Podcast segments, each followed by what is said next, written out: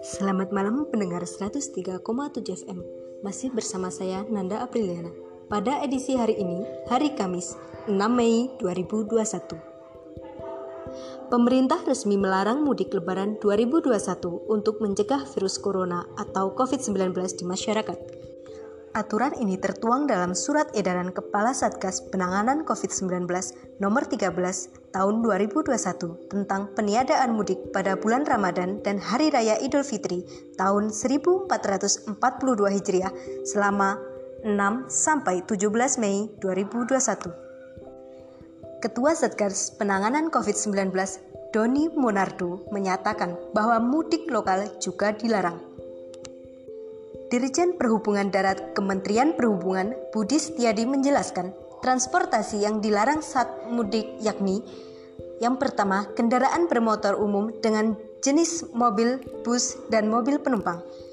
Nomor dua, kendaraan bermotor perseorangan dengan jenis mobil penumpang, mobil, bus, dan sepeda motor atau kendaraan pribadi.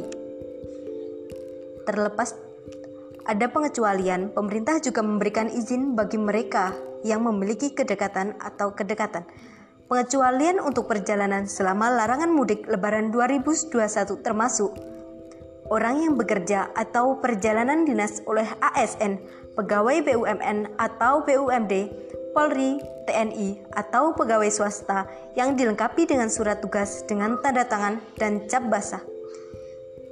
Selanjutnya, kunjungan mengenai keluarga yang sakit atau meninggal.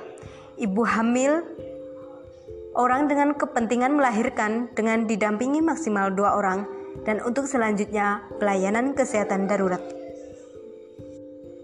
Ada beberapa titik penyekatan di Pulau Jawa. Yang pertama berada di Banten dan Jawa Barat terdapat 338 titik. Yang kedua, Jabodetabek ada 18 titik penyekatan.